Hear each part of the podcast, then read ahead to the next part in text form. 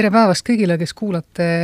Maalehe taskuhäälingut, tervist! täna on tervisesaates küsimustele vastamas Tartu Ülikooli Kliinikumi südamekirurg doktor Raili Ermel, tere päevast! tere päevast ka minu poolt! ja Liis Seljamaa on selle saate juhiks. me räägime kaasasündinud südameriketest. seda seetõttu, et hiljuti lõppes just ka kaasasündinud südamerikete teadlikkuse nädal. see kandis nime Väikesed südamekangelased, see on otsene viide sellele, et noh, kas väga suures osas, aga ikkagi need kaasasündinud südamerikked on avastamise mõttes selline väikeste laste ja ka väga väikeste laste probleem.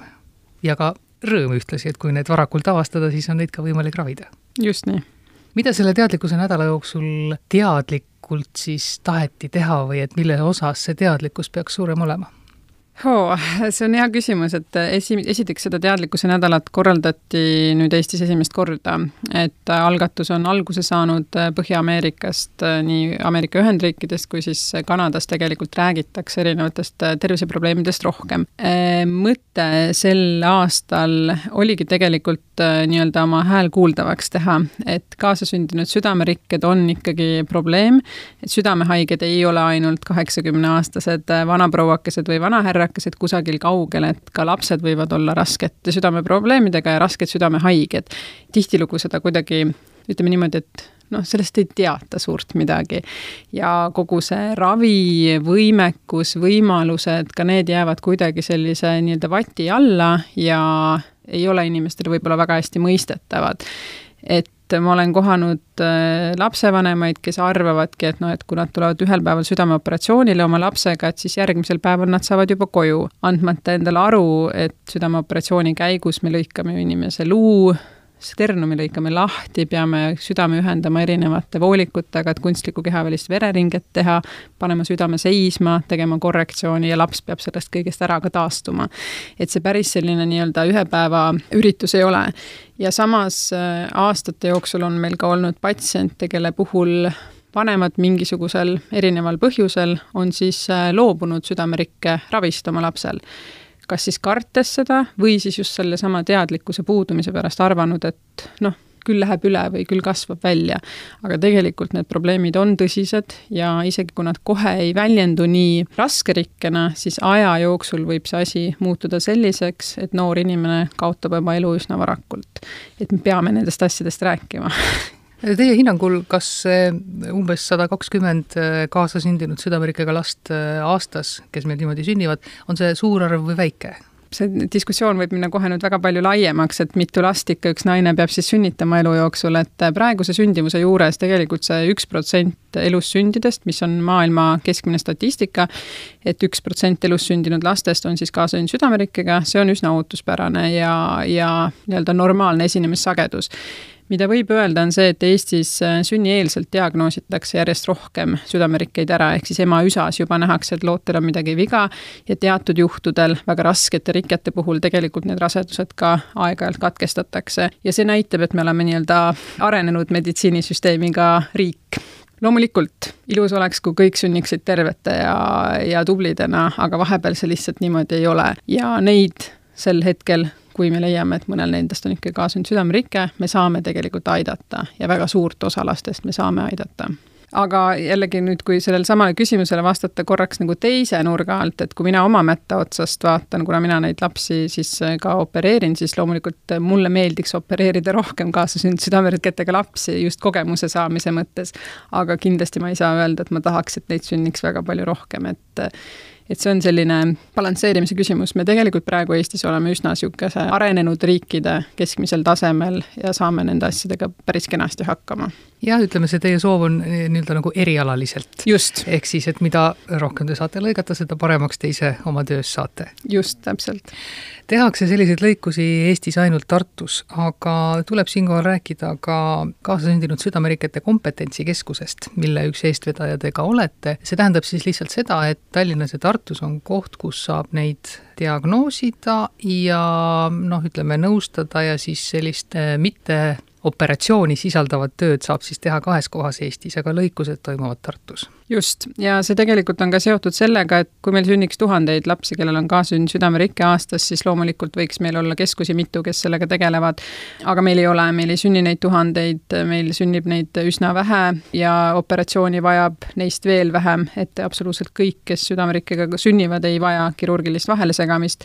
ja seetõttu on igati mõistlik kontsentreerida kogu see kogemus ühte kohta, et see on see põhjus, miks Tartus neid siis äh, ainsana opereeritakse alates aastast kuuskümmend kakskümmend kolm, ma rõhutan. et see tegelikult on pikk ajalugu siin juba. kompetentsikeskuse idee oli samamoodi see, et ega kaasünn südamerikke ravi ei ole ainult see üks päev kirurgil operatsioonitoas, et tegelikult see nõuab väga palju erinevate erialade spetsialistide pühendumist, alates sellest diagnostikast, mida siis teevad gümnakoloogid, lastekardioloogid, kes seal gümnakoloogide kõrval on Tartus loote ultraheli tehes, radioloogid, kes diagnoosivad neid muude radioloogiliste uuringutega ja nii edasi, anestesioloogid, psühholoogid, kes peavad aru saama, missugune see rikke nii-öelda hemodünaamika on, kuidas seda juhtida ja nii edasi, et et neid inimesi on väga palju ja see ei ole ainult ühe osakonna nii-öelda töö. ja seetõttu see niisugune katustermin kompetentsikeskus ja siis ka niisugune nii-öelda virtuaalne struktuuriüksus sai loodud, et me võtame selle idee vastu, et see ei ole ainult ühe või kahe inimese töö, vaid see on väga laiapõhjaline ekspertide kogu Tallinna Lastehaiglaga, kus tõesti siis keerulises seisundis lapsi ka ravitakse ja ravitakse väga hästi, on meil tõesti hea koostöö, et nad teavad ja nad on nagu nii-öelda nõus sellega, et neid asju ei ole mõtet mitmes kohas teha. kuna kaasasündinud südamerikked on väga eriilmelised ja kui üldiselt neid sünnib üks protsent elussündidest, nagu ma ütlesin, siis, siis mõnda südameriket esineb kaasasündinud südameriketest üks protsent või null koma üks protsenti, et mõni rike võib-olla sünnibki korra kümne aasta jooksul. ja kui me hakkaksime seda nüüd jagama, et üks siis Tartusse, järgmine kord kuskile mujale, et noh, et siis me mingisugusest suurest kogemusest nagu rääkida ei saa. ka niigi nende väikeste arvude peal maailma mastaabis oleme me imepisikene keskus ja kui oleks neid Eestis rohkem, siis tõenäoliselt nii väikest ei lastakski töötada kui see keskus sai nüüd nii-öelda nagu juunis asutatud, et siis teie töö sisuliselt ega seal vist äh, väga palju ei muutunud, lihtsalt katusorganisatsioon on nagu teine? põhimõtteliselt küll, et ütleme siis niimoodi, et keegi nagu väga palju rohkem tööd tegema ei pea, aga mõte oligi siis selles, et jagame seda, natuke seda vastutust ja üritame siis nii-öelda väljapoole ka paista, et ka teised ka teaksid, et miks neid lapsi siis opereeritakse Tartus ja mitte Tallinnas või et miks ma ei saa samamoodi Ida-Viru Keskhaiglas ravi kui pealinnas või, või ülikoolilinnas. see natukene ongi niisugune nii-öelda rohkem väljapaistmise nagu mõte, teiseks tegime ka kodulehekülje, mida me siis, kus esmakordselt tegelikult on ühes kohas teatud rikete kohta ka info olemas eesti keeles, et paratamatu Eesti on väike riik ja me ei jõua tihtilugu seda patsiendi infot nii-öelda nii palju välja anda, kui tegelikult võiks. et vähemalt nüüd on mingisugune alguspunkt tehtud, ma ei ütle, et selle kompetentsikeskuse töö on praeguseks lõppenud või nüüd on see tehtud ja, ja võime joone alla tõmmata, vaid ma arvan, et see on alles algus ja väga palju on veel teha. kui palju on teil Helsingi kolleegide abi nii-öelda nagu igapäevases töös vaja, sellepärast et kõiki operatsioone Eestis ei tehta? tõsi, kõiki me Eestis ei tee ja, ja nagu te õigesti ütlesite, Helsingi on tegelikult meie, Helsingi uus lastehaigla on meie kõige lähedasem varasem ähm, siis nii-öelda koostööpartner ja see on juba aastatepikkune koostöö, võib isegi öelda aastakümnete pikkune, et väga paljud meie arstidest on seal õppimas käinud ja plaanivad ka tulevikus minna. jällegi, ega aastad on erinevad ja igat äh, nii-öelda sellist südameriket, mida me saame ise kenasti siin opereeritud, me ära ei saada, aga on teatud rikked, mis on siis tõesti, kas see operatsioon on tehniliselt väga nõudlik või siis seda peab tegema väga väikeses vanuses, et me oleme võtnud selle otsuse vastu, et me kõike ei ürita siin põlve otsas ise teha. eelmise aasta kohta ma oskan öelda, oli kolm last, keda opereeriti Helsingis, kõik sellised lõikused, mida me tõesti koha peal ei ole võimelised praegu pakkuma. üks aasta, mis siin ka meedias päris palju läbi käis tänu Lastefondile, oli selline, kus meil sündis äkki kuus suurte arterite transpositsiooniga last mille tõttu tehakse operatsioon esimese kahe elunädala jooksul ja see on ka üks nendest operatsioonidest, mida meie ei paku. et noh, ühel aastal kuus, mõnel aastal kolm, aga mõnel aastal ei ole sellist äh, noh, ühtegi sellist patsienti. seda võib nagu lohutuseks öelda nendele, kes kuulavad ja kellel võib-olla tekib küsimus, et miks ma pean laskma oma last Tartus opereerida, kui ma võiks saata veel suuremasse keskusse, veel paremasse kohta. Me anname endale väga hästi aru, mida me võime ja mida me suudame teha ja mida mitte. kohe, kui meil on küsimus, me tegelikult konsulteerime Helsingi kolleegidega, et nad on meil, ütleme nii, et üsna telefonikõne või emaili kaugusel ja nad vastavad tegelikult meie igasugustele küsimustele, et kui on vaja, me kohe räägime, et ei pea mõtlema, et me hakkame ise jalgratast leiutama Te juba nimetasite spetsialiste, kes ütleme siis ühe juhtumiga tegelevad, alates siis diagnostikast eh, kuni siis, kui on vaja, siis kirurgilise sekkumiseni. kui palju neid kirurge on, kes tegelikult selle tööga tegelevad Eestis? ei ole palju, meil on eh, üks laste südamekirurg kes on nii-öelda, kellele me võime öelda, et, et ta on valmis ja ilusti välja õppinud ja kes õpetab mind praegu välja, see on doktor Toomas Aro. Äh, meil on äh, välja õppinud, aga mitte praegu sellel erialal töötav doktor Toomas Hermlin, kes teeb veresoone kaudu neid protseduure ja mina olen siis see inimene, kes nagu praegu õpib seda ja hakkab siis nii-öelda vaikselt nendesse suurtesse sussidesse astuma, et seda tööd hakata tegema kas see on ka selles mõttes huvitav eriala arstiteaduslikus mõttes, et kui sa teed midagi sellist, mida väga palju ei tehta, siis noh, ikkagi annab sulle ka ju päris palju võimalusi, olgugi et neid juhtumeid võib-olla nii palju ei ole siin ei tohi ära unustada seda väga suurt vastutust, äh, mis selle juures on. see on maailma kõige ilusam eriala, ma olen, äh, ma olen seda mitmeid kordi öelnud ja, ja ütlen seda ka edaspidi, südamekirurgia üldse on, ma arvan, et kõige ägedam ja kõige ilusam asi, mida inimene teha saab. kui me nüüd mõtleme veel laste peale, siis laste südamekirurgia on veel selle nii-öelda nagu aste kõrgemale, see nagu creme de la creme operatsioonidest. loomulikult, äh, eks mul on hea meel, et ma olen jõudnud praegu oma elus sellesse punkti, kus mul lastakse neid operatsioone organisatsioone teha ja kus mul on võimalus neid õppida, aga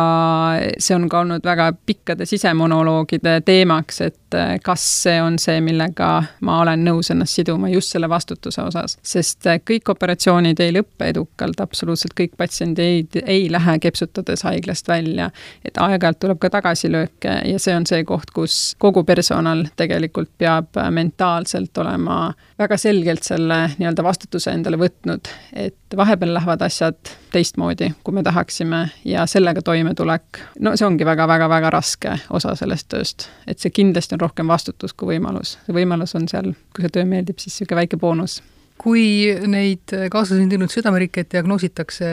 sünnijärgselt või siis juba lootel, siis kindlasti on ka neid rikkeid või, või häireid, mis ei anna endast nii kohe märku. Need võivad ilmneda hiljem, ütleme kasvueas, siis võib-olla ka täiskasvanueas. nagu ma ütlesin, suure osa me leiame tänapäeval tänu väga heale nii-öelda gümnakoloogide väljaõppele ja naistearstide väljaõppele, kes leiavad neid rikkeid antenataalselt ehk siis sünnieelselt ülesse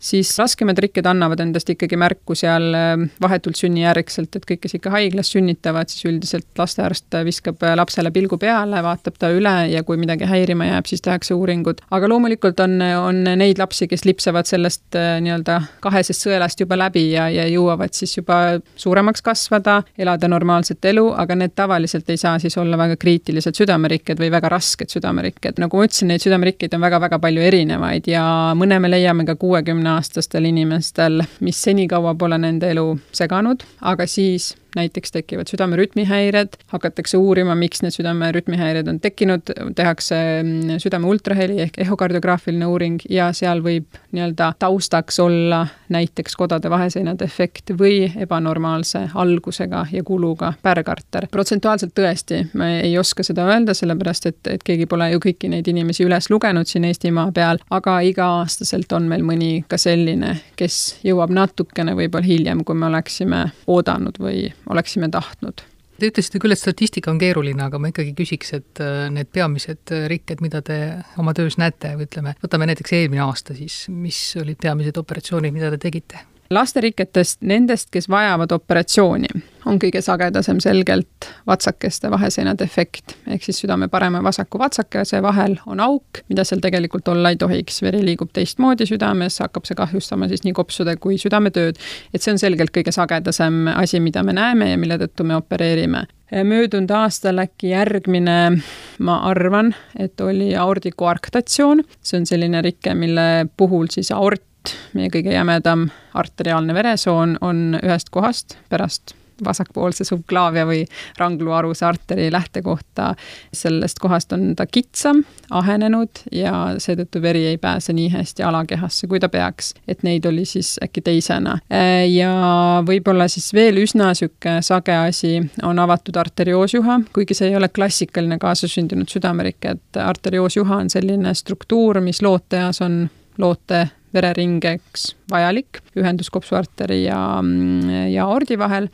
Ja see on enamasti probleem siis niisugustel väga väikestel enneaegsetel, kes sünnivad seal kakskümmend neli, kakskümmend viis, kakskümmend kuus rasedusnädalat. Väga,, väga-väga pisikesed inimesed, niisugune kuuesaja grammi ringi nad tavaliselt on, et nendel see arterioosjuha kinni ei lähe ja siis tuleb see kinni panna enamasti kirurgiliselt. aga kõige sagedasem kaasasündinud südamerike, mis väga tihti ei vaja lapsepõlves operatsiooni, on tegelikult piiguspiidne aordiklapp et aordiklapp tavaliselt, kui me talle nii-öelda otsa vaatame, peaks välja nägema nagu Mercedese märk ja enamasti me olemegi sündinud siis Mercedesega südames, aga ühel kuni kahel protsendil siis Mercedese asemel südames on Opel, et on, on kahehõlmaline aordiklapp, mis alguses funktsioneerib hästi, aga seal nelja, neljandas elukümnes, viiendas elukümnes, kuuendas elukümnes muutub see klapp düsfunktsionaalseks, ta ei tööta enam nii hästi ja siis vajavad need inimesed operatsiooni. kõige sagedasem operatsioon kaasnenud südamerikke tõttu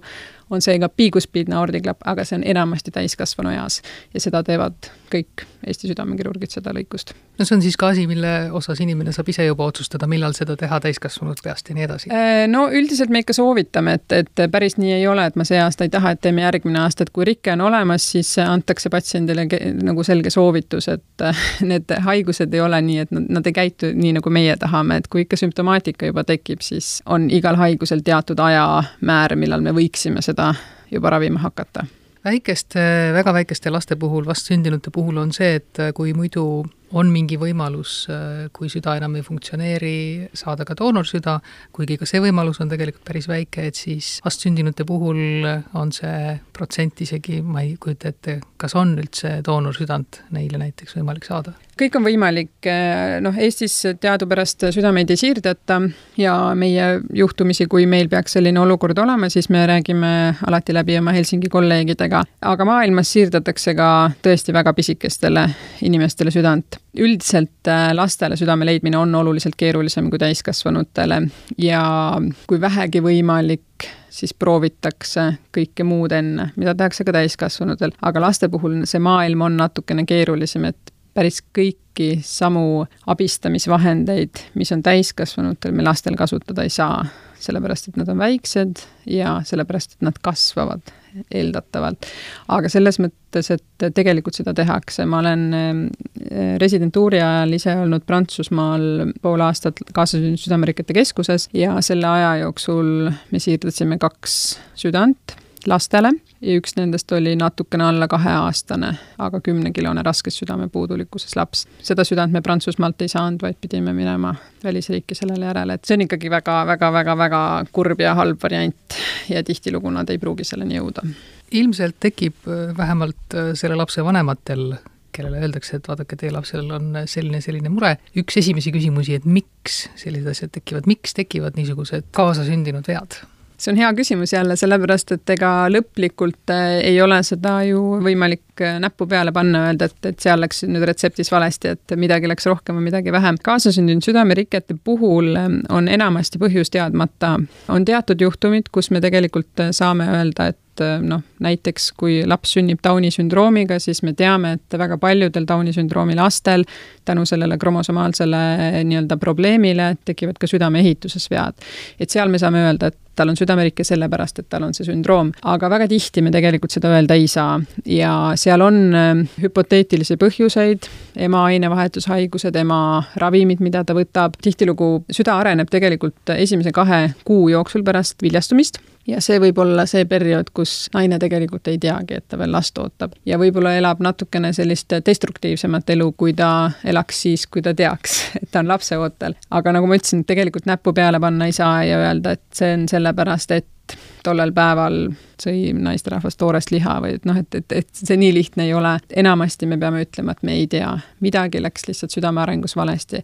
kui vaadata, kuidas süda areneb, missugused need rajad on, siis tegelikult minul tekib küsimus, et kuidas võimalik on, et enamusel inimestel on süda normaalselt ehitatud, sest see tegelikult on väga-väga keeruline protsess, teatud asjad peavad tekkima, teatud asjad peavad nii-öelda ära kustuma või organism ise hävitab teatud kohad ära selleks, et uus struktuur saaks seal areneda, et see on väga keeruline protsess. lapseootel naisele võib see mõjuda ka väga masendavalt, selline diagnoos, et kas on ravimise protseduuri juures ka vanematele mingit laadi abi, ma mõtlen psühholoogilist näiteks või midagi? No loomulikult peaks olema. meie juurde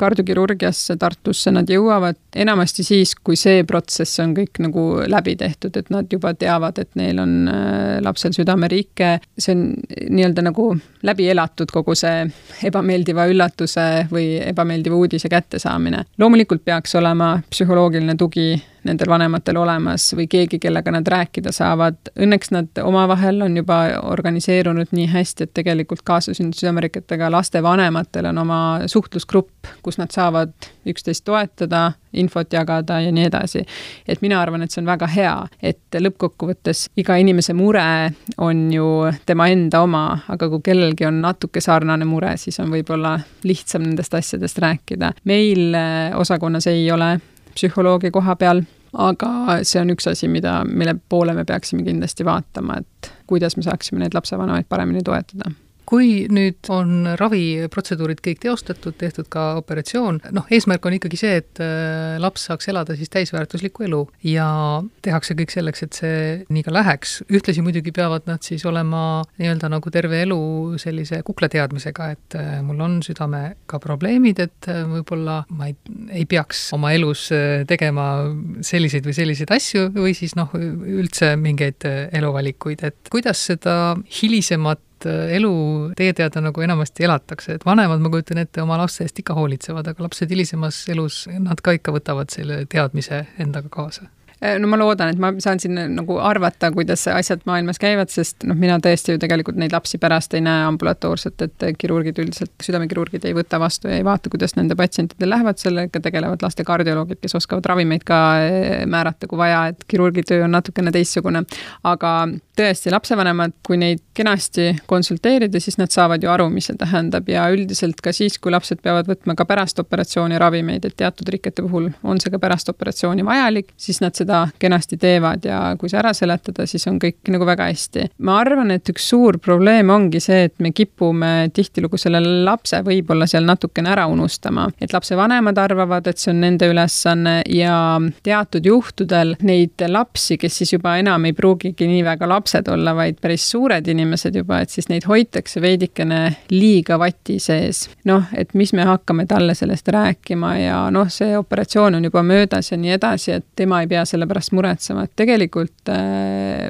erinevad uuringud ja erinevad soovitused on öelnud, et äh, last peab pühendama tema haigusse, just kaasasündinud südamerike puhul, sest ta peab aru saama, miks ta võtab mingisugust rohtu, miks ta peab käima iga aasta või iga kahe aasta tagant või iga viie aasta tagant kardioloogi juures ja et kui ta hakkab planeerima näiteks pere loomist, kui me räägime mõnest noorest naisest, siis ta peab teadma, kas tal on kõik samasugused võimalused nagu nendel inimestel, kellel ei ole südameriket. et ükski südamerike ei saa välja ravitud et siin ma tean, on kolleege, kes arvavad, et noh, et mõne rikke puhul me ikka peaaegu saame öelda, et, et ta on välja ravitud, aga kui ikkagi inimene on südame sees midagi teinud ja sinna on tekkinud arm, siis me ei saa öelda, et see on välja ravitud, me oleme üritanud saada võimalikult normilähedast vereringet. enamasti see õnnestub, aga see tuleb teatud hinnaga. kas tekib arm südamesse või midagi muud taolist et niisugune äh, kuldne standard või niisugune hea soovitus on tõesti see, et nad peavad jääma eluaegse jälgimise alla ja noh, vaidlusküsimus on see, et kas see on siis täisväärtuslik elu, kui ma pean iga viie aasta tagant käima arsti juures ja vahepeal rohtu võtma. et võib-olla mõni arvab, et ei ole, aga, aga võib-olla mõni arvab, et siiski on.